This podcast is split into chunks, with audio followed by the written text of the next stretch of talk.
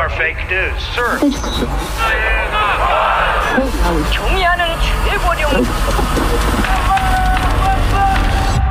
on kolmapäev, kolmeteistkümnes jaanuar ja kalender Delfi välistoimetuses näitab, et Donald Trumpi lahkumiseni ja Joe Bideni saamiseni USA presidendiks on jäänud täpselt nädal. täpselt nädal tagasi toimusid ka ohvritega rahutused USA kongressis,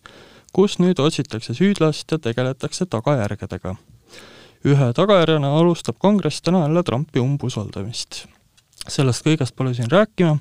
Eesti Päevalehe ajakirjanikud Kadri Veermäe tere! ja Krister Parise. tere! mina olen Kaarel Kressa. sissejuhatuseks alustaks filosoofiliselt noodilt, et äh, kuidas teie arvates, kui kõvasti sai kahjustada USA demokraatia nende viimase nädala sündmuste käigus ja kas praegu võib rääkida, et äh, õigusriik on jalgele seatud ja kõik on taas korras? No mina ütleksin, et viimaste nädalate sündmuses demokraatia tugevnes. et äh, olemuslikult mis iganes oli planeeritud või läks käest ära see Kapitooliumil, ei õnnestunud ja, ja nüüd on päri, päris paljudel, ka näiteks vabariiklastel, kes siiamaani joondusid pimedalt ähm, Trumpi järgi, on just nagu ikkagi kahe silmad ette langenud ja mõeldakse hoopis laiemalt kui sellesse kitsas koridoris, mida Trump kogu oma ametiajal kultiveeris, nii et ei, praegu kindlasti demokraatia on pigem muutunud tugevamaks. Ma arvaks ka seda, et kuigi need pildid Kapitooliumilt olid alguses väga šokeerivad, siis tegelikult tuli ju kongress tagasi kokku juba samal päeval ja kõik läks suhteliselt eesmärgipäraselt edasi ja kui alguses pärast neid sündmusi kritiseeriti ka, et kui need sissetungijad said, said niisama seal möllata ringi ja neile süüdistusi ei esitatud, siis nüüd tagantjärele me ju näeme, et üha rohkemaid inimesi on võetud ka vahi alla, nii et ütleme, et seaduseriik möllab kindlasti edasi. seal on kindlasti jah, päris, päris palju huvitavaid nüansse, nagu kõik need süüdistused, et, et tegelikult Kapitooliumi politseis oli piisavalt palju Trumpi toetajaid, kes lasksid sinna inimesi sisse ja, ja kogu kõik need all olevad väited sisse imbunud rassismikultuurist USA võimustruktuurides, et need kõik saavad nüüd ilmselt üsna põhjalikult läbi uuritud, sest et juba üsna varsti on administratsioon, kes sellele kindlasti kätt ette ei pane jah, seal oli üsna murettekitavaid asju küll, et praeguseks oli uurimine algatatud sisejuurdlus kahe Kapitooliumi politseiniku vastu, kellest üks tegi selfisid koos sissetungijatega ja teine kandis äh, Trumpi punast mütsi ja paistis neid otse kutsuvat majja mis kõik tekitab väga ebamugavaid küsimusi ja erinevaid teooriaid, mis kõlavad kohati peaaegu nagu vandenõuteooriatena, näiteks üks demokraatide esindajate koja liige väitis, et tema nägi äh, nimetud vabariiklasest kongressi liiget paar päeva varem juhatamas mingeid kahtlaseid tüüpe mööda kongressi ja tutvustamas neile ehitisi, ehitise noh, koridore, kus asuvad kellegi kabinetid, nii edasi, nii edasi. ja tegi just... tutvustavad uurijad, mis siis järgmine päev ette võtta täpsemalt? no just, e, kui mõelda selle peale, et tegelikult pärast teha Trumpi esimest üleskutset, et tulla ja pärast hilisemaid üleskutseid, siis see nii-öelda sotsiaalvõrgustikus, mida kasutavad tema toetajad, käis üsna avatud tekstiga arutelu, kuidas sinna umbes smugeldada Washingtoni relvi, e, kas me peaksime äkki ründama ajakirjanikke, mis taktikat ja strateegiat valida, siis igas muus olukorras oleks valitud üsna tugevad julgeolekumeetmeid, mida seal ei tehtud. aga kui nüüd äh, teha üks väike paralleel Saksamaale, mitte et mitte et ma tahaks teha siit mingeid suuri järeldusi, aga näiteks äh, Saksa meedias on äh, hakatud viimastel aastatel üha rohkem rääkima sellest, kuidas avalikkuses on selline tendents, et et enne pole räägitud, kuidas jõustruktuurid kalduvad parempoole, ja Saksamaal ka paremäärmuslusse ja on politsei ja ka sõjaväest leitud terve hulk selliseid üsna äärmuslike vaadetega liikmeid, aga kuna see pole varem tähelepanu saanud, siis pole selle probleemiga ka hakatud tegelema, aga ma ei, nüüd ei arva, et me saaks nüüd teha sellest mingi väga suure järelduse. kuigi jah, ütleme üks nendest, kes, kes kinni peeti Kapitooliumi sündmuste järel, oli endine USA õhuvägede piloot minu meelest mm,. see, kes surma sai politseiniku kuulis, see oli endine mitte võib-olla piloot, aga võib-olla ka piloot, igal juhul õhuvägede veteran, kes oli ka sõjas käinud. Ja samuti arreteeriti seal hiljuti üks erukolonel, leitnant vist, kes oli tulnud kohale paramilitaarses varustuses ja ka nende plastikust käeraudadega, mis tekitasid palju spekulatsioone, et mida need kõige radikaalsemad ja organiseeritumad tüübid siin nüüd täpselt tegema tulidki no eks kui sa küsid, et kuidas see mõjus demokraatiale, siis me saame seda alles näha pikemas perspektiivis. me oleme kõikidest nendest väikestest detailidest näeme, et noh, Donald Trumpil on olemas reaalne toetus ja iga demokraatlik ühiskond üritab seda kuidagi ikkagi siis suunata, kaasata, selle ümber midagi ehitada, ehk siis see on nagu pikem vaade, et kuidas nüüd Joe Biden sellega hakkama saab? milline on praegu Trumpi kandepind vabariiklaste valijate seas? Mulle tundub, et jätkuvalt äh, suhteliselt hea, sellepärast et ta on äh, ülekaalukalt äh, väga populaarne isik vabariiklike valijate seas ja vist ongi umbes et, et üheksakümmend protsenti toetab teda jätkuvalt ja mis on üks veidi huvitavam uuring võib-olla äh, on äh, Ipsose tehtud eelmisel nädalal pärast neid sündmusi, kus selgus et, et äh, kuuskümmend seitse protsenti vabariiklastest ehk siis väga suur hulk on äh, valmis uskuma, et nendel novembrikuistel valimistel, et nendel oli ikkagi midagi lahti ja tegelikult Joe Biden võib-olla ei olegi päriselt võitnud ja see on tegelikult ju väga problemaatiline, kui nii, kui vaadata, et mida ütlevad faktid, et kõik need äh, kohtuvaidlused ja avaldused kohtusse, et need on ülekaalukalt äh, läbi kukkunud, siis on äh, osariigid ise kinnitavad, et pole midagi kahtlast, aga see usk, et Trump pidi ikkagi võitma, et see ei kao kuskile eks jah, ütleme Trump on kas just juurutanud, aga andnud tohutu tõuke tõejärgsele ühiskonnale. Ja kui ma vaatan mingeid teisi neid toetusprotsente, siis üks küsitlus näitab siin, et kui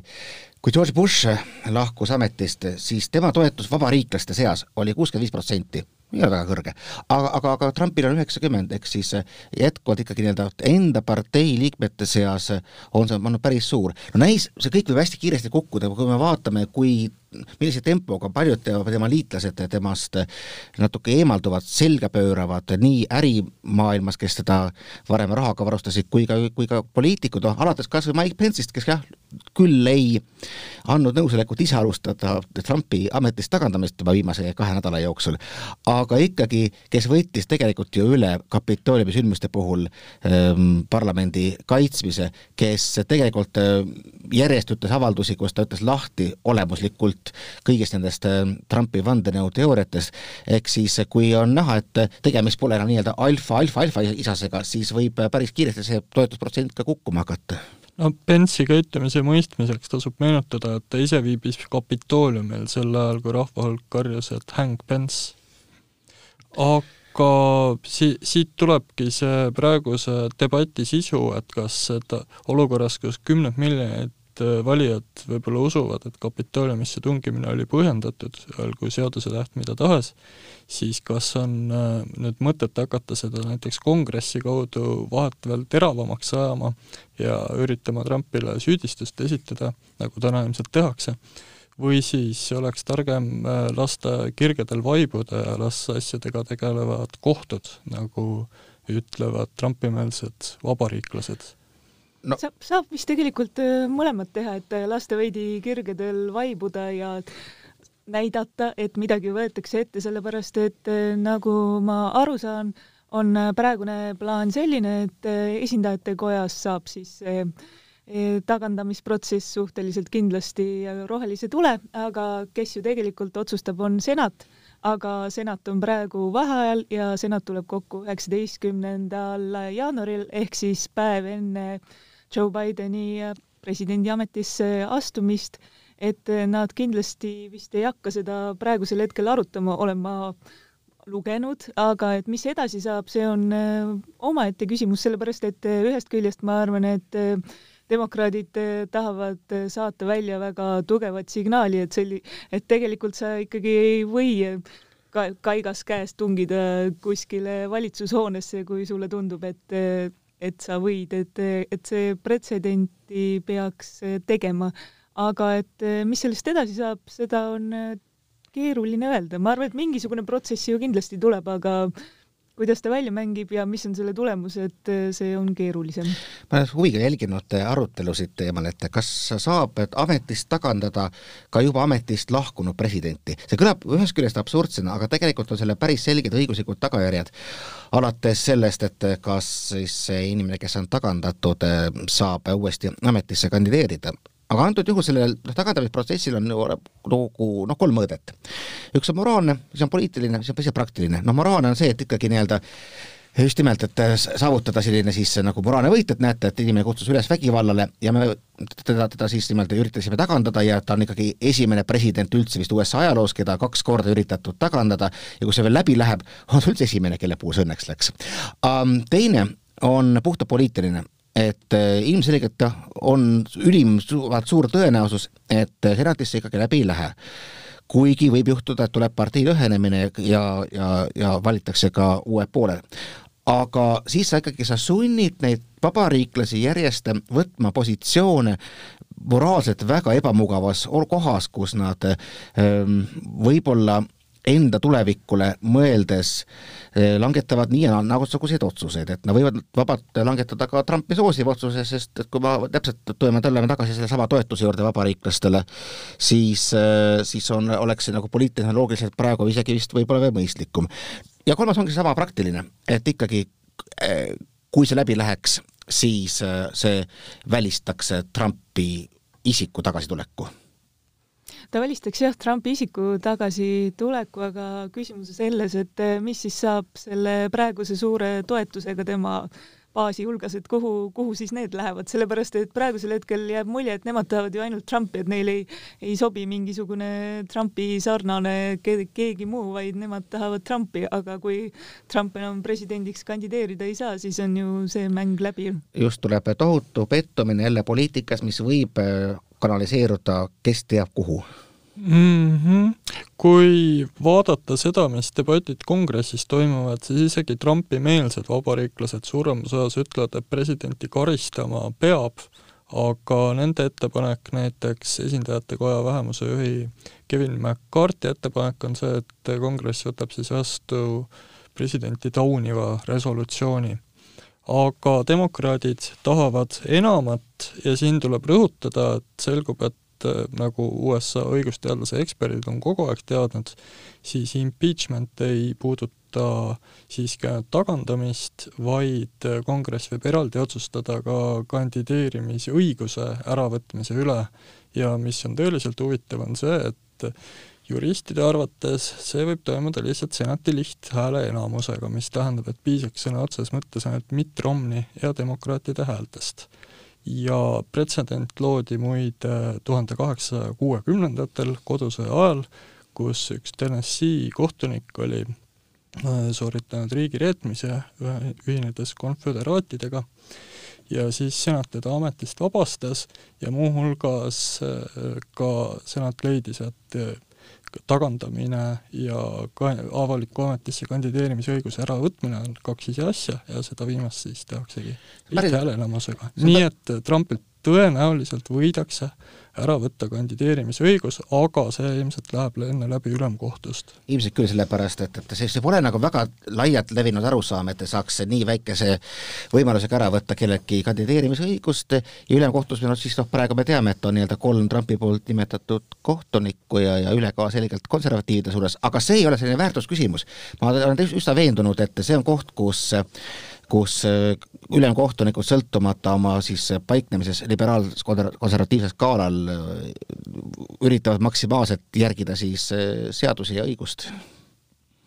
jah, nema, neid ei saa ju enam eriti kuidagi mõjutada, kuna tegu on eluaegsete ametikohtadega. aga mis sa veel ütlesid sellest senati jõujoontest, siis praeguseks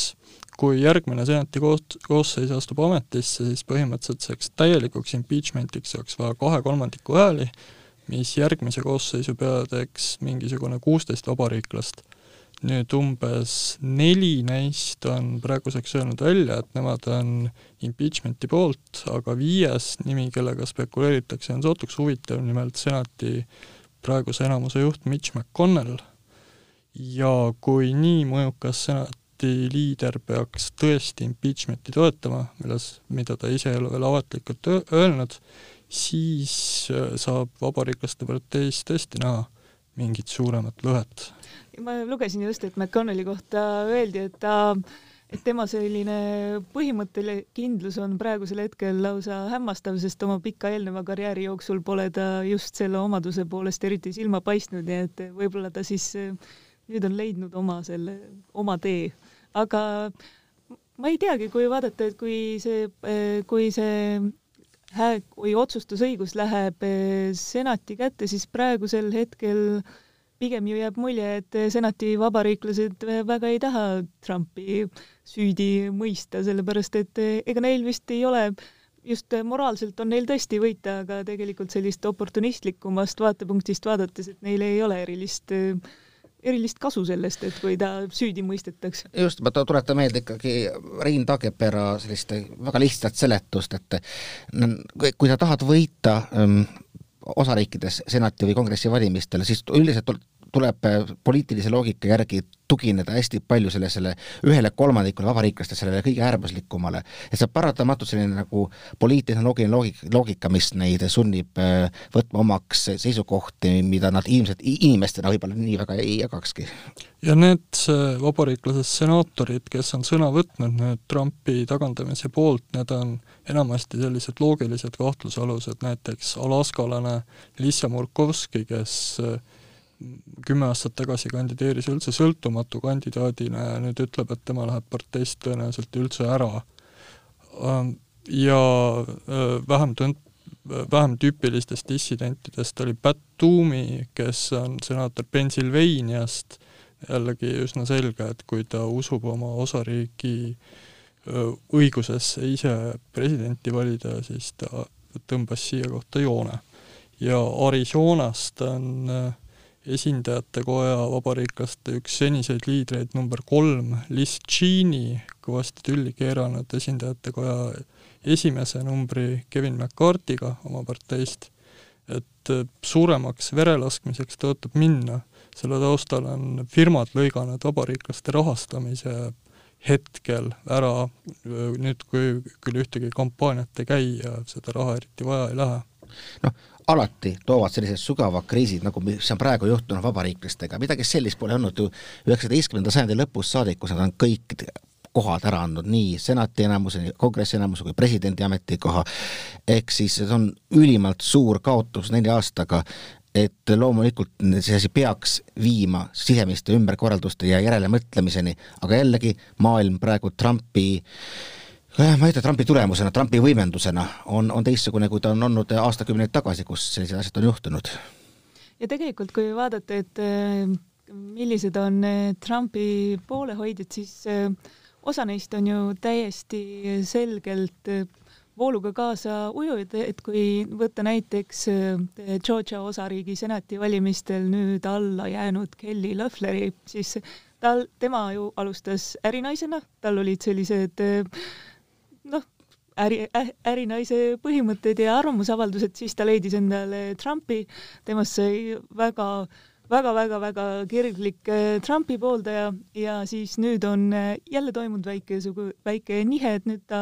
hakkab siis liikuma, ma ei tea, kas tagasi oma ärinaise positsiooni poole või aga sellist äh, tulihingelist Trumpi meelsust hetkel temas enam ei näe, vähemalt tema avalduste põhjal.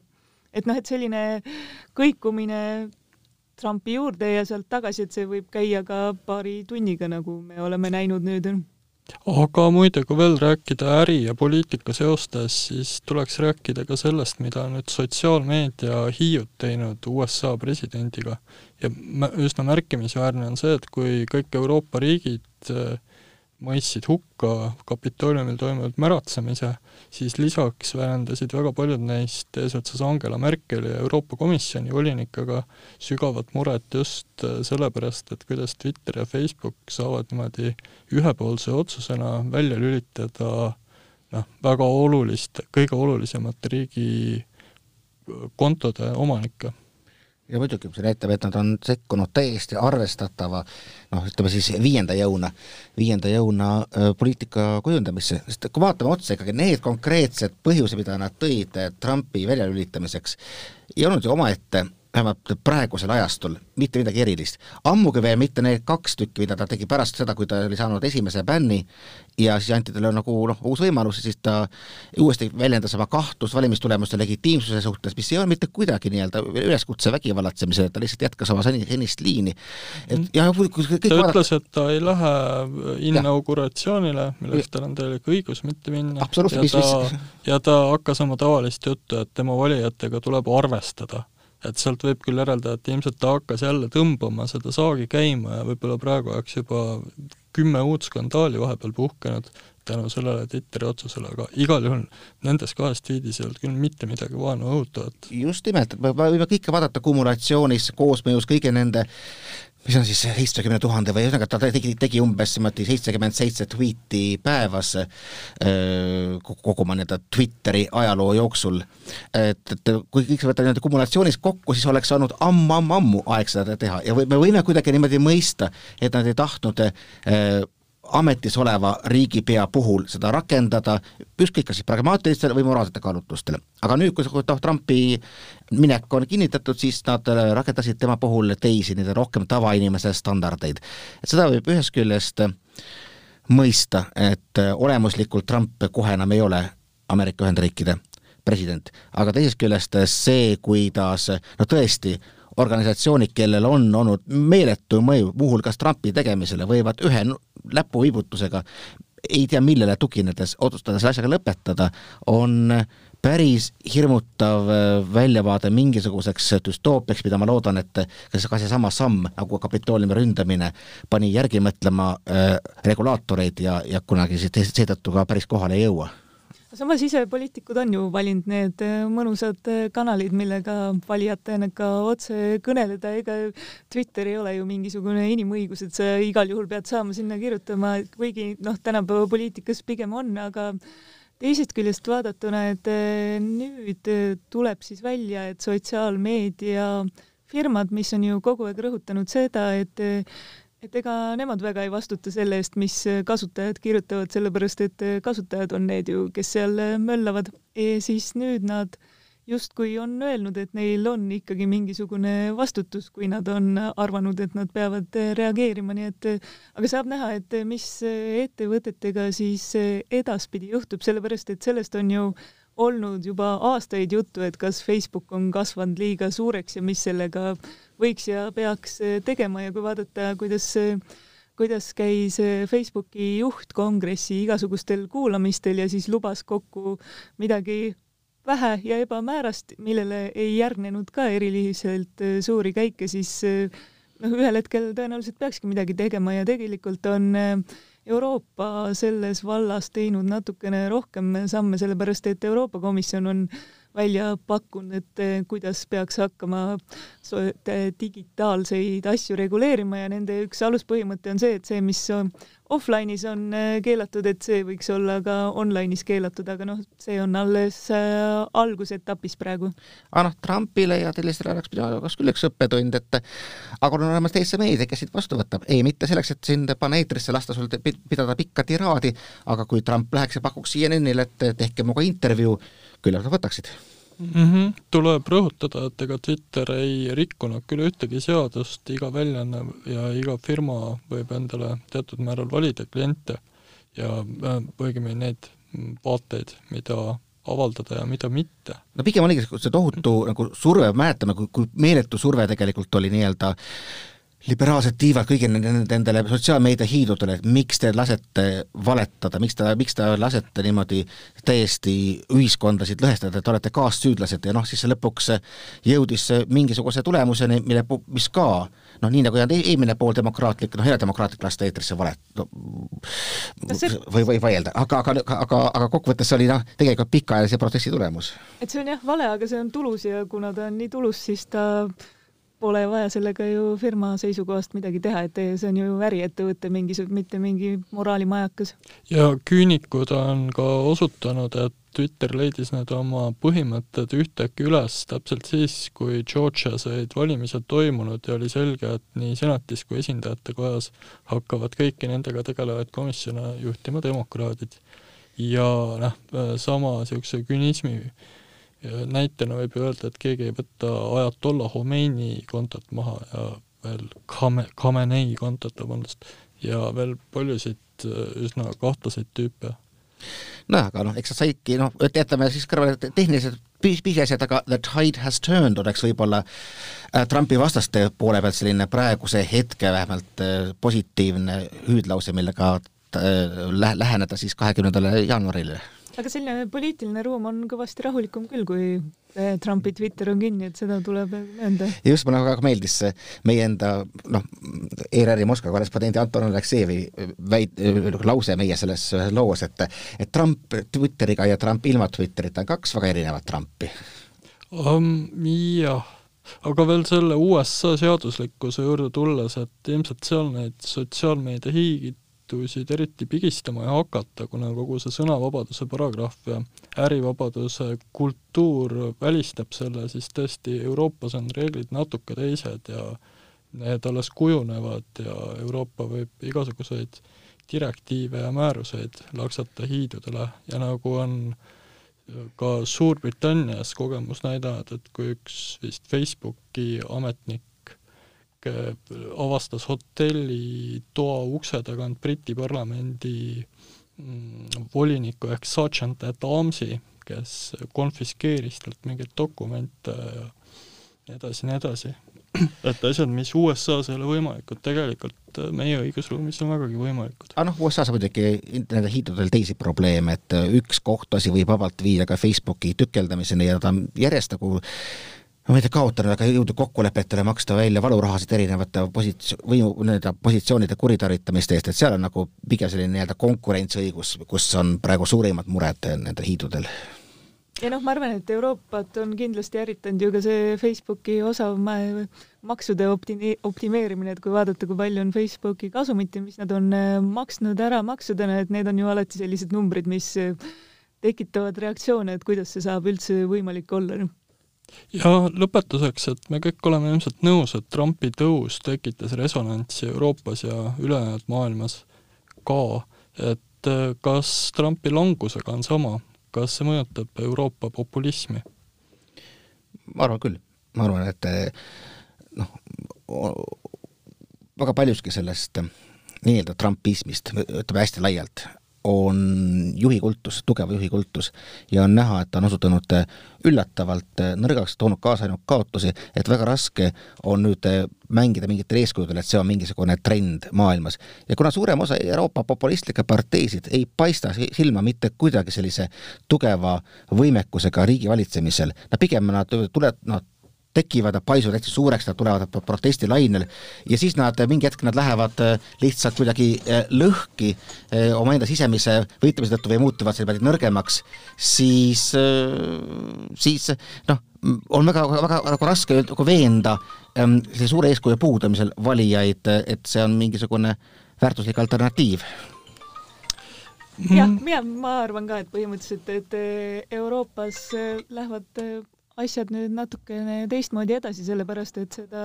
suurt eeskuju, kelle poole pöörduda ja kellelt võtta ka selliseid poliitilisi võtteid üle, et seda enam sellisel moel ei ole ja noh, kaotajate leeris ei taha ikkagi paljud olla ka lihtsalt. Olgu ka öeldud, et näiteks Prantsusmaa mm, Marine Le Pen mõistis Kapitooliumi ründamise rangelt hukka ja ka Sloveenia peaminister Janša, kes jõudis Trumpi juba võidu puhul õnnitleda, seekord äh, ei ole vist midagi öelnud. no selles suhtes on Trump olnud tore nähtus, et ta selliselt äh, silmakirjalikule käitumisele tõmbab katte väga korralikult pealt ja näeb paljude poliitikute ütleme siis tegelikku nägu aga ütleme kokkuvõttes jah, selle ühe suure kurioossumi see Kapitooliumi ründamine paljastas, no nii establishment üldse olla saab, ehk siis riigi president sisuliselt kutsus oma toetajaid ründama riigi institu-, institutsioone, et see on kurioossum, mida saab tükk aega äh, arutleda. Aga aitäh teile tulemast, Delfi stuudios olid Krister Paris, Kadri Veermäe ja Kaarel Kressa, tänan kuulamast! You are fake news, sir. 경의하는 최고령